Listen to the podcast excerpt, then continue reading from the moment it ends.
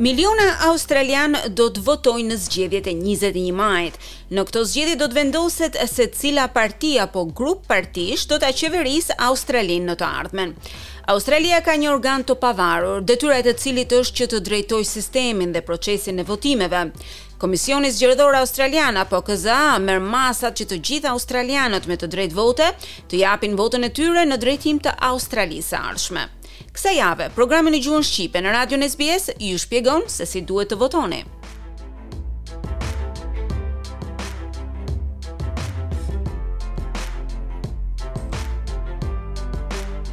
Në ditën e zgjedhjeve, Komisioni Zgjedhor Australian pret që të gjithë të paraqiten në qendrat e votimit dhe në këto qendra do të kalojnë më shumë se 1 milion persona në orë.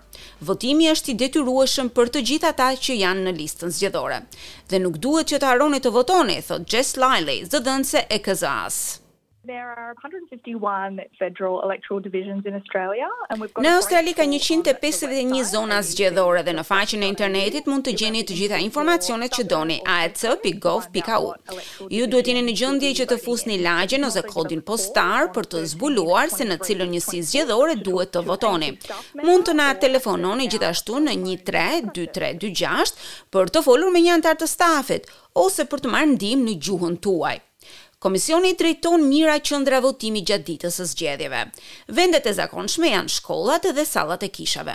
Informacioni gjendet në faqen e internetit të Komisionit Zgjedhor. You'll be able to input your suburb and your postcode and our tool will help you find who your candidates are as well as Do të jeni në gjendje të vendosni lagjen, kodin postar dhe faqja jonë ju vjen në ndihmë duke ju treguar se cilët janë kandidatët dhe se ku mund të votoni.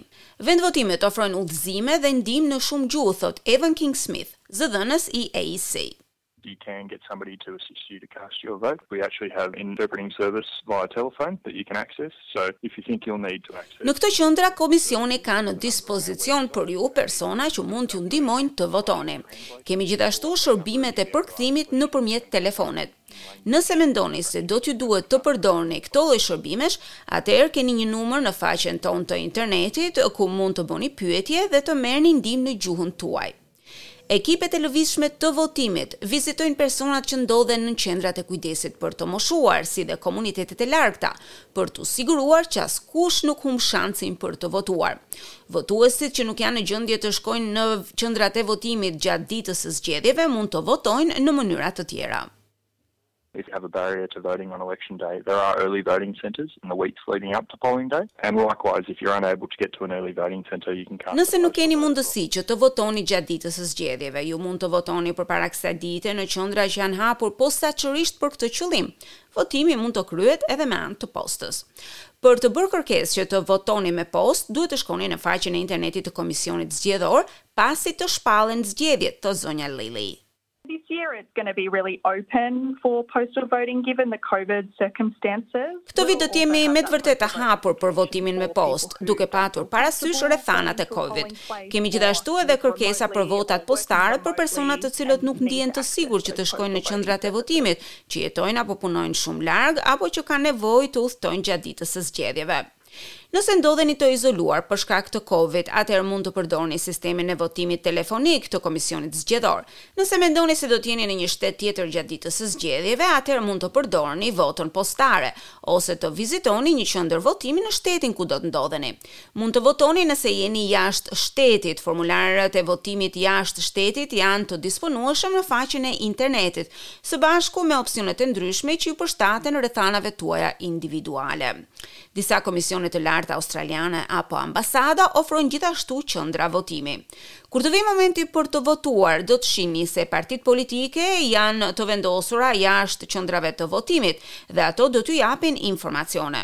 Mos lejoni t'ju keq udhëheqin, thotë analisti elektoral William Bowe. What the parties do is that they hand out how to vote cards at polling booths on election day that recommend. Partitë shpërndajnë karta që titullohen si të votojmë nëpër qendrat e votimit gjatë ditës së zgjedhjeve dhe rekomandojnë mënyra të ndryshme për të plotësuar fletën tuaj të votimit në një mënyrë të caktuar. Ju duhet të votoni në atë mënyrë. Kjo në fakt nuk është e drejtë.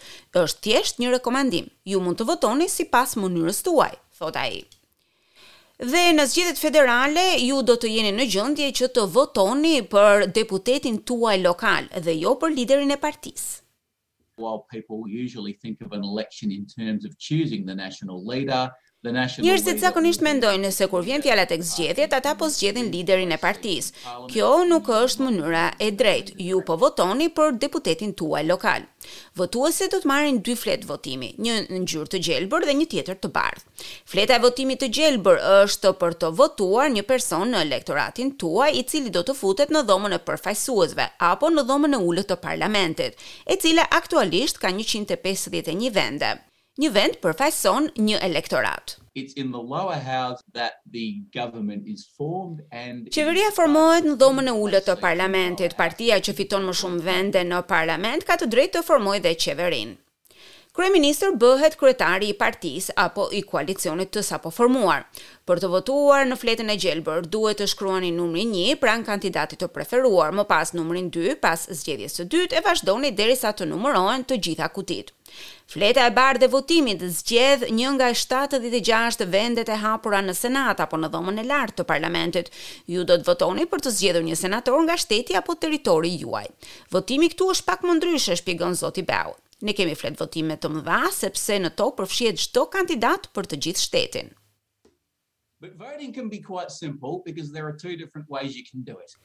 Votimi është mjaft i thjeshtë, sepse ka dy mënyra të ndryshme për ta bërë atë. Ka kuti mbi vijën dhe kuti poshtë vijës. Kutitë mbi vijën ka një për secilën parti. Mënyra më e shpejtë dhe më e thjeshtë për të votuar është të zgjidhni gjashtë partitë tuaja të preferuara dhe t'i numëroni ato sipas preferencës suaj, nga një në gjashtë. Nëse dëshironi që të zgjidhni kandidatët tuaj, atëherë duhet të vendosni kutitë nën vijën. Nëse votoni nën vijë, duhet të numëroni të paktën dymbëdhjetë kuti. Ky sistem votimi quhet votim preferencial. Numërimi i kutijve në rend të preferuar lejon që vota juaj të ketë më shumë peshë, thotë zoti Bowe. Udhëzimet në fletën e votimit duhet të ndiqen me shumë kujdes. Nëse fleta e votimit nuk është plotësuar ashtu siç duhet, atëherë ajo shpallet e pavlefshme. Votimi është i detyrueshëm. Arsyet për të mos votuar janë në dorën e Komisionit Zgjedhor, i cili e kupton se ka disa persona të cilët mund të jenë jashtë Australisë gjatë ditës së zgjedhjeve. Mosvotimi rezulton në gjobë, po gjoba e vërtetë është të mos kesh mundësi të thuash fjalën tënde për të ardhmen e vendit.